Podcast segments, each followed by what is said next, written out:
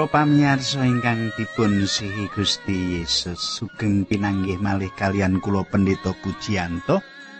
Wonten ing salebetipun adicara margi utami kados pundi pawartos panjenengan kadang kula menapa panjenengan sae-sae kemawon dipun berkahi Gusti Allah inggih pandonga kula ing wanci menika panjenengan tansah binerkahan dening Gusti wonten kabingahaning manah makaten nggih.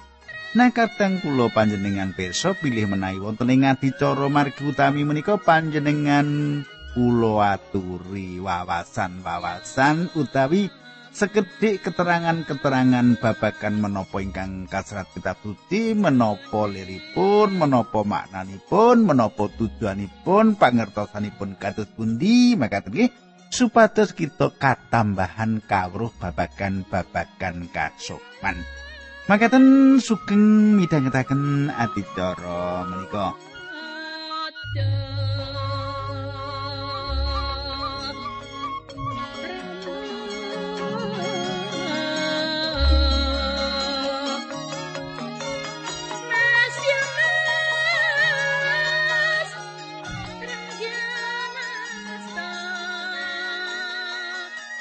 Para pamirsa ingkang kula tresnani wonten ing pepanggihan kepengker kula sampun ngaturaken dumateng panjenengan bilih kita sampun nyemak kados pundi Elia nyuwun dumateng Gusti Allah supados Gusti Allah ndawahaken jawah. Nah, salajengipun menapa ingkang dipun dongaaken Elia menika kakabulaken jawah dados mandap utawi jawah menika dumugi saestu. Nah kados punti kelajenganipun perangan menika kita badhe lajengaken samenika. Nanging saderengipun kita ndedonga riyin nanging perlu kula ngajeni kula ngurmati sedherek ingkang sampun kintun serat dateng kula. Inggih menika Bapak Margono dusun Bugel nggih Pak Margono kados pundi pawartos panjenengan? Pandonga kula panjenengan samenika sesarengan kalian kula Pak. Makaten nggih. Nah sugeng midhangetaken sesarengan kalian keluarga tentunipun. Nah kadang kula monggo kita tumungkul kita ndedonga sesarengan. Duh Kanjeng Rama ingkang wonten ing kasuwargan kawula ngaturaken gunging panuwun Menawi wekdal menika kawula saged tetunggilan kalian sederek-sederek kawula ingkang setya tuhu midhangetaken adicara menika. Kawula nyuwun dipun sucikaken Gusti ing adicara menika kanthi makaten saestu namung Sang Roh Suci kemawon ingkang makarya. Dinambaran asmanipun Gusti Yesus Kristus kawula ndedonga haleluya amin.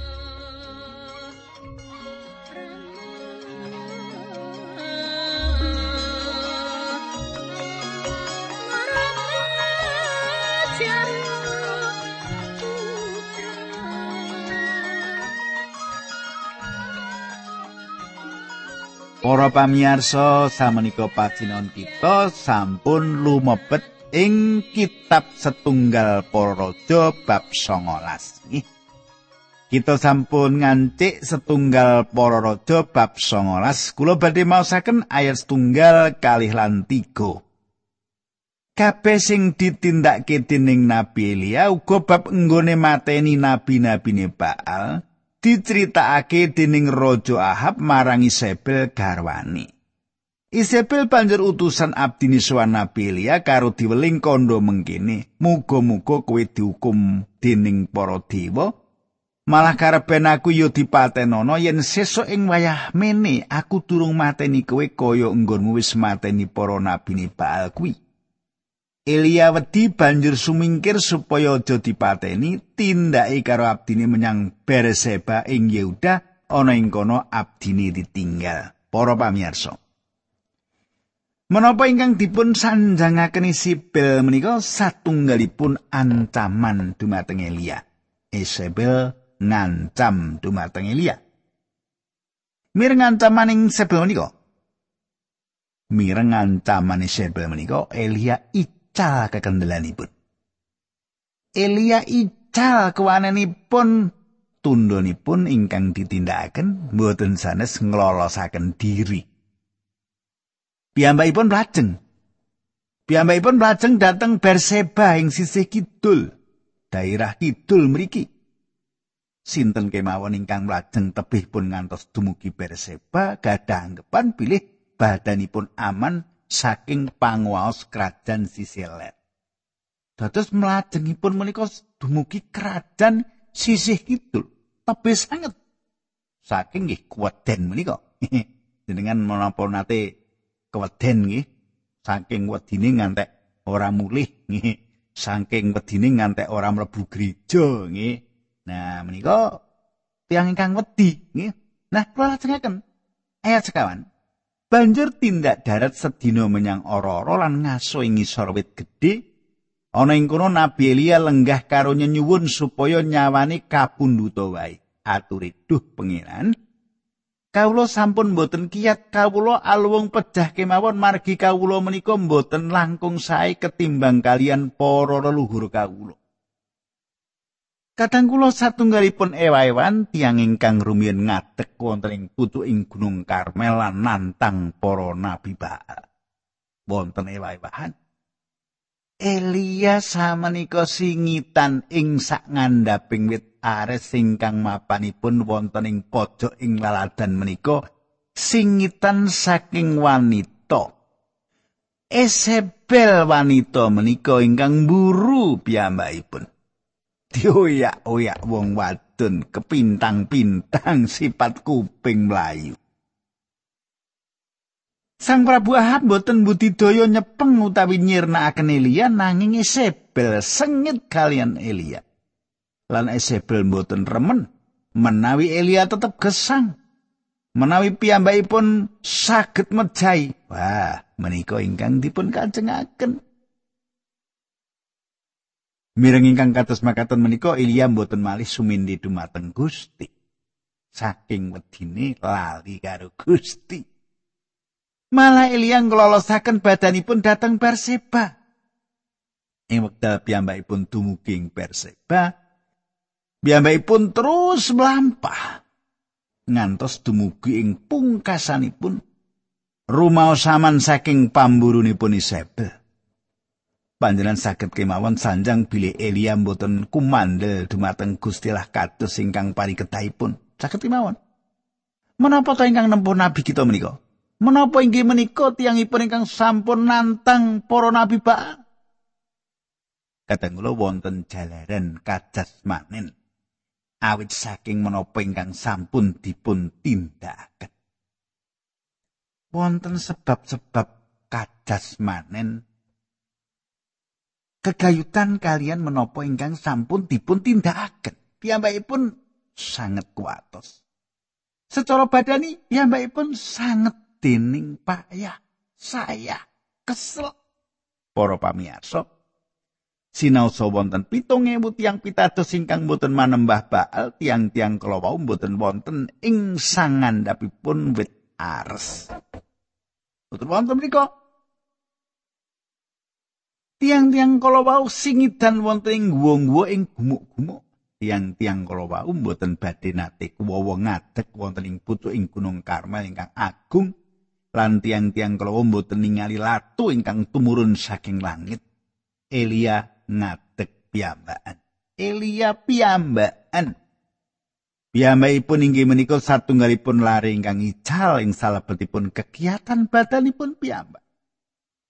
Kulo gagas kita mbetahaken tiang-tiang dewasa ingkang saestu-estu purun makarya konjuk Gusti Allah. Elia wonten ing sangandhaping wit ares awit piyambakipun saestu sae Wonten ugi sebab-sebab kajiwan ingkang dipun lampahi kahanan ingkang kados makaten menika. Kahanan ingkang kados makaten menika saged dados dinten-dinten ingkang andadosaken tiang darah tinggi, frustasi, cuwo, kendu semangatipun, kecalan pengajeng-ajeng, rumaos dipun tampik, rumaos dipun oyak-oyak lan nglokro. Elia inggih menika tiyang ingkang kiat lan tahan banting nanging sinaosa ketingal kasar. Jiwanipun gadah panggraita ingkang landhep. Jiwanipun gadah panggraita ingkang landhep. Nah, topi. Samenika Elia ndedonga kanthi swara dumateng Gusti Allah. Makaten pangandikanipun Gusti lumantar donganipun Elia menika ayat 5 ngantos 7. Nabi Elia banjur ngletak ing isor wit mau lan sarih dumadakan ana malaikat kang gawe Elia karo ngendika Tangyo mangano Elia wungulan mirsani ngiwonengen nuli pirsa ing sacedhake sirahe ana roti lan kendi banyu. Sawise dalan ngunjuk banjur sare meneh. Malaikate pangeran mau rawuh ping pindhone sarta njawil Elia karo ngendika, "Tangio Elia, mangano supaya kuat mlaku aduk." Para pamirsa, Elia mbetahaken ngaso. Elia mbetahaken ngaso. Gusti pirsa kahanan menika kanthi makaten panjenenganipun andadosaken Elia tilem. Ing wekdal piyambakipun tangi, Elia manggihaken roti ingkang saweg dipun panggang. Sinten ingkang manggang roti menika? Kula pitados panjenenganipun inggih menika pribadi ingkang sami ingkang nyawisaken sarapan ing wanci injing ing tlaga Galilea sasampunipun patangin. Inggih menika sinten katang kula? Panjenengan pirsa? Gusti Yesus. Gusti Yesus kemawon ingkang nglipur Elia. Maringi nedha lan salajengipun mangsulaken tilemali. inggih kawontenan ingkang kados makaten menika ingkang dipun sinau dening Elia. Ing wekdal menika saged ugi satunggalipun dinten ingkang sanget dening murukaken panjenengan rumaos bejo. Dinten ingkang sanget dening murukaken panjenengan rumaos bejo panjenengan saged ugi gadah gagasan bilih panjenengan sampun cekap siap ngadepi peperangan ing salebetipun gesang. Nanging salebetipun panjenengan nglampahi gesang menika kagengen kangginipun panjenengan. Panjenengan betahaken juru wilujeng Elia, Nabi Elia kados menapa kasaripun piyambakipun tetep betahaken Gusti. Samenika kula lajengaken ayat 8 nggih. Makaten surasipun Elia banjur wungu sarta dahar lan ngunjuk sarirane dadi kuat lan bisa tindak lawase patang puluh dina menyang gunung Sinai ya kuwi Allah kadang kula dipun kiyataken kanthi tetedan ingkang dipun cawisaken dening Gusti Allah Nabi Elia kedah mlajeng terus Piyambakipun kisah dateng Gunung Horeb, gunung ing pundi paugeran Torat, pepakene Torat dipun paringaken dumateng Musa. Ayat 9 lan 11 ana ing kono Nabi Elia sare ana ing guwa Gusti Allah banjur ngendika, "Elia, apa pegaweanmu ana ing kene?" Atur wangsulane Nabi Elia, "Duh, pangeran, Allah ingkang Maha Kuwasa kawula menika nyambut damel namung kagem paduka piyambak nanging umat Israel sampun nglanggar perjanjianipun kalian paduka. Mesbeh-mesbeh paduka sampun sami dipun jugrukaken lan nabi-nabi paduka sami dipun pejahi. Kantun kawula piyambak lan samenika kawula inggih badhe dipun pejahi. Para pamirsa. Gusti gadah urusan kalian Elia. Elia sangat kesayangan lan betahaken pitulungan kajiwan ingkang nyoto. Saperangan ageng kita saged ngerampungaken perkawis kita menawi kita sumindi dumateng Gusti Yesus Kristus. Lan nyariosaken dumateng panjenenganipun sedaya perkawis ingkang nempuh kita. Kita mboten perlu sanjang dumateng saben tiyang. Kegayutan masalah, kegayutan kangelan kita. menawi kita purun ngaturaken dumateng Gusti. Aja gampang cerita karo pepadane nek ngono ki malah ngombro ora genah. Panjenengan gadah Gusti ingkang moho wicaksana. Aturaken sedaya permasalahan panjenengan dumateng panjenenganipun. Eh, panjenenganipun badhe mitulungi dumateng panjenengan. Sabenika kula lajengaken ayat 11. pangandikane Gusti Allah metuwa saka guwa kuwi lan ngadeka ing pucaking gunung ngadep ing ngarsaku. Allah banjur tindak langkung ing kono ana prahara gedhe banget nganti gunung-gunung padha bengkah lan watu-watu karang padha gempal nanging pangeran ora ngetingal ing angin gedhe mau. Sawise praharane sirep banjur ana lindu nanging Allah ya ora ngetingal ana ing lindu mau para pamirsa dipun pratelaken wonten angin ageng lan kiat ingkang mecahaken gunung lan jugrukaken gunung-gunung karang. Antap iki disebutaken makaten ning Gusti Allah ora ana kono. Ayat 13 Sawise mengkono banjur ana geni teko nanging pangeran ya ora ngetingal ana ing geni kono. Wasana ana suarane angin kumlisik Para pamirsa sasampunipun lindu lajeng latu. Sasampunipun latu kapireng suaraning angin ingkang tenang lan kumlisik. Angin kumlisik nek basa Indonesia lembut nggih. Menawi wonten satunggal perkawis ingkang boten dipun remeni Elia menika swanten ingkang tenang lan kumlisik. Kulo yakin Elia mboten gadah jinis wonten ingkang kados makaten menika nanging piyambakipun kedah sinau bilih Gusti Allah saged makarya lumantar cara ingkang tenang. Cara ingkang kumlisik ingkang lembut Gusti Allah sawek mucal satunggalipun wucalan ageng dumateng Elia. Peperangan menika sejatosipun dipun menangaken ing pucak Gunung Karmel kalian mandapipun latu saking langit. Gusti Allah makaryo perkawis-perkawis ingkang alit kangge nindakaken rancanganipun. Gusti Allah ngginakaken perkawis-perkawis ingkang alit supados bikak kori-kori ageng inggih menika ingkang kedah dipun sinau dening Elia. Samenika ayat 13. Dumugi kawan las. Bareng mireng swara mau Nabi Elia banjur nutupi pastoriyane nganggo jubai banjur jumeneng ana ing lawanging guwa. Ana swara ngendika, "Elia, apa pegaweanmu ana ing kene?"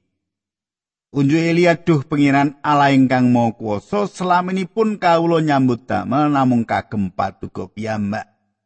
Nanging umat Israel sampun nerak perjanjianipun kalian paduka, mesbeh-mesbeh paduka sampun dipun jugrukaken sedaya lan nabi-nabi paduka dipun pejahi. Kantun kawula piyambak lan samenika kawula inggih badhe dipun pejahi. Kadang kula kathah ngantawis kita ingkang saged nindakaken badanipun kados dene Ilya. Gadah patrap kados dene Ilya menika. Kala-kala kalian keluarga lan masyarakat kita, kita dikupengi dening tiang-tiang ingkang dereng pitados kanan kiring kita, dereng pitados dan kita gadah rerausan bilih kita menika satunggal tunggalipun tiang ingkang bela Sang Kristus. Rumangsane makaten iki. Ayat gang 11 ngantos 17. Makaten surasanipun Dawe Allah balio menyang ora samun ing Damsika saya jebatono kanggo tondo nggone bakal kaangkat dadi raja ing Syria. Mengkonuko Yehu bin Nimsi jebatono mergo dhewe bakal dadi raja ing Israel sarta Elisa bin Sapat saka Abel me pola jebatono dadi nabi ngenteni kuwi. Sopo sing ora dipateni dening Hazael bakal dipateni dening Yehu lan sopo sing ontat saka Yehu bakal dipateni dening Elisa. Kadang kula panjenengan katosaken. Elia ketan jepati Hazael dados raja Aram lan Yehu dados raja Israel. Salajengipun Gusti Allah ngendika dumateng Elia gegayutan sinten ingkang badhe gentosi. Ayat 13. Nanging aku isih ngarekake wong pitung ngewu ing Israel sing bakal ndak selametake. Ya kuwi sake wong sing tetep setya marang aku lan ora tau nyembah utawa ngambung marang retani Baal. Katang kula tundhonipun Gusti Allah paring pangandikan dumateng Elia bilih wonten sisa 7000 tiyang ingkang boten teluk dumateng Baal. Tiang-tiang kala wau mbelani Gusti Allah lan dereng nate manembah Baal. Tiang-tiang kala wau gadah patrap leres dumateng Gusti Allah Israel. Gusti Allah samenika badhe nimbali wangsul Elia lan badhe nimbali Elisa supados ngentosi Elia. Ayat 19 lan kalih dosa. Nabi Elia banjur budalan ketemu karo Elisa ing pategalan lagi mluku nganggo sapi rolas rakit. Elisa dhewe nganggo rakitan sing keri dhewe nalika tindak ing liwati Elisa, Nabi Elia nuli nyopot jubahe dinggo nutupi pundak Elisa. Elisa banjur ninggal sapi-sapi ini melayani Elia. Elisa matur kepareng kula pamitan kalian tiang sepuh kula.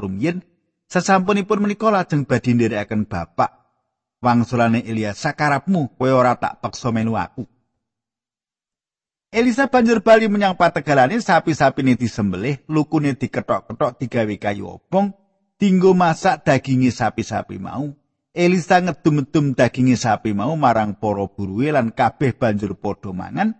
Sawise mengkono Elisa nuli nderekake tindake Nabi Elia dadi pembantune. Kadang kula Elisa samenika dados muridipun Elia, piyambakipun sawegipun latih supados ngentosi peladosanipun kados dene ingkang badhe kita tingali. Samenika kita lumebet ing kitab setunggal para raja kalih dosa nggih hayas tunggal. Ing sawijining dina Ben Hadad raja Syria nglumpukake tentarane bebarengan karo raja 30 loro liyane sing padha nggawa kereta perang lan bolo jaranan ngluruk perang menyang Samaria, kutane banjur dikepung lan diserang. Para pamirsa panjenengan katosaken Gusti Allah samenika ngidinake mengsah nyerang saking Jawi. Saderengipun Gusti Allah dereng ngidinaken babar pindah. Nanging dumateng kita dipun cariyosaken pilih Gusti Allah paring janji kamimpangan malah dumateng Ahab. Lajengaken ayat 13 ngantos kawan las kecerita ana nabi suwan marang Raja Ahab aturi Gusti Allah ngendika Aja wedi karo tentara akeh kuwi dina iki mungsu-mungsumu bakal ndak ulungake marang kowe supaya kowe ngerti yen aku iki Allah. Pandangune Ahab, sinten ingkang badhe nyerang rumiyin? Wangsulan Nabi mau, para prajurit ingkang tasih nem-neman ingkang dipun pimpin dening para pengaging daerah makaten pangandikanipun Allah. Pandangune Ahab meneh. Lajeng sinten ingkang kedah mimpin serangan menika? Wangsulane Nabi mau, panjenengan piyambak. Para pamirsa, janji badi kegayutan kamardikanipun Gusti Allah wonten ing salebetipun kahanan menika mboten alandesan kasetianipun Ahab nanging alandesan sih katresnanipun Gusti Allah dumateng umat kagunganipun. Gusti Allah paring wewengan dumateng tiang menika supados wonten ewah-ewahan ayat kali dosa ngantos kalikur. Saben prajurit mateni mungsuh sing ana ing ngareping nganti wong Syria padha keplayu banjur dioyak dening wong Israel nanging Ben Hadad bisa lolos mlayu nitih jaran kaderake tentara jalanan sawetara. Raja Ahab yo melu nyerbu sarta ngremuk kereta-kereta perang lan mateni jaran-jarane ing dina kuwi wong Syria perangi kalah babar pisan. Nabi sing biyen sowan Raja Ahab banjur matur prayoginipun sesampunipun menika panjenengan nata kegiatan nimbang-nimbang lan menggalih kalian mateng menapa ingkang badhe panjenengan tindakan margi ing taun ngajeng menika raja Syria badhe nyerang panjenengan malih. Para pamirsa menika sanes pungkasaning peperangan Ben Hadad badhe nganyaraken pambudidaya pun supados saged ngawonaken Israel. Menapa ingkang dipun pratelaken menika satunggalipun gambaran ingkang saestu cetha. Ayat 17 ngantos 21 semono wong Israel wis nata barisane lan metoni perang. Balane didadekake wong pasukan banjur padha masang kemah hadep-hadepan karo wong Syria yen ketanding karo tentara Syria sing disebar rata ngebai daerah kono tentara Israel kuwi mung kaya wedhus gembel rong ponto. Kecerita ana nabi teka suwan marang Raja Ahab atri mekaten dawipun Allah wong Syria padha ngira yen aku mung kuwasa ana ing pegunungan lan ora kuwasa ing tanah ngari. Tentarane mungsuh sing gedhe banget kuwi bakal ndak ulungake marang kowe supaya kowe lan rakyatmu padha ngerti yen aku iki Allah. Kadang kula sepindah malih Gusti Allah malingi kamimpangan dumateng Ahab atas semangsaipun nanging imanipun Ahab nindakaken kalapatan kanthi nyelametaken nyawanipun Ben Hadad. Ayat 3 dosa sekawan. Ature Ben Hadad kita-kita ingkang kula rumiyin karebat dening bapak kula saking bapak panjenengan badhe kula wangsulaken dhateng panjenengan. Panjenengan menawi ngersakaken inggih saged mbikak kantor dagang ing Damjib kados ingkang katindakaken dening Bapak kula kala rumiyin wonten ing kitha Samaria wangsulane Ahab. Menawi panjenengan janji kados makaten dhateng kula panjenengan badhe kula luari. Ahab banjur gawe perjanjian karo Ben Hadad. Sawise mengkono Ben Hadad banjur diluari. Ahab dipun perintahaken supados nyirnakaken mengsah kateng kula. Nanging piyambakipun boten bangun turut. Mitra kula, mboten dipun keparengaken wontenipun kompromi kalian dosa. Gusti Allah mboten nate ngidinaken perkawis menika lan inggih menika pasipun menapa ingkang sampun dipun tindakaken Ahab. Ayat kawan dosa kali Nabi mau banjur matur marang Sang Prabu mengkene makaten pengandikanipun Allah wong sing ndak dawi supaya dipateni jebul kok tolake mulane kowe bakal mati minangka lirune tentaramu bakal ditumpes minangka lirune tentara sing dicolaki Kadang kula kenging menapa jaman samenika para hakim ringkih sanget dumateng para tiyang ingkang nindakaken piawon. Celeranipun inggih menika tiang-tiang menika piyambak ugi gadah lepat. Tiang-tiang menika ngrumaosi bilih piyambakipun ugi tiang ingkang dosa. Tentu angel sanget anggenipun tiang ingkang dosa lajeng ngadili tiang ingkang dosa sanesipun inggih menika perkawis ingkang nempuh Ahab inggih menika sebabipun piyambakipun slametaken nyawanipun Ben Hadad. Makaten monggo kita ndedonga. Duh Gusti Allah, kawula sampun sinau kaitosan saking pangandikanipun Gusti matur nuwun supados roh suci kemawon ingkang njarwakaken dhateng manah kula. Dinambaran asmanipun Gusti Yesus kawula netunggal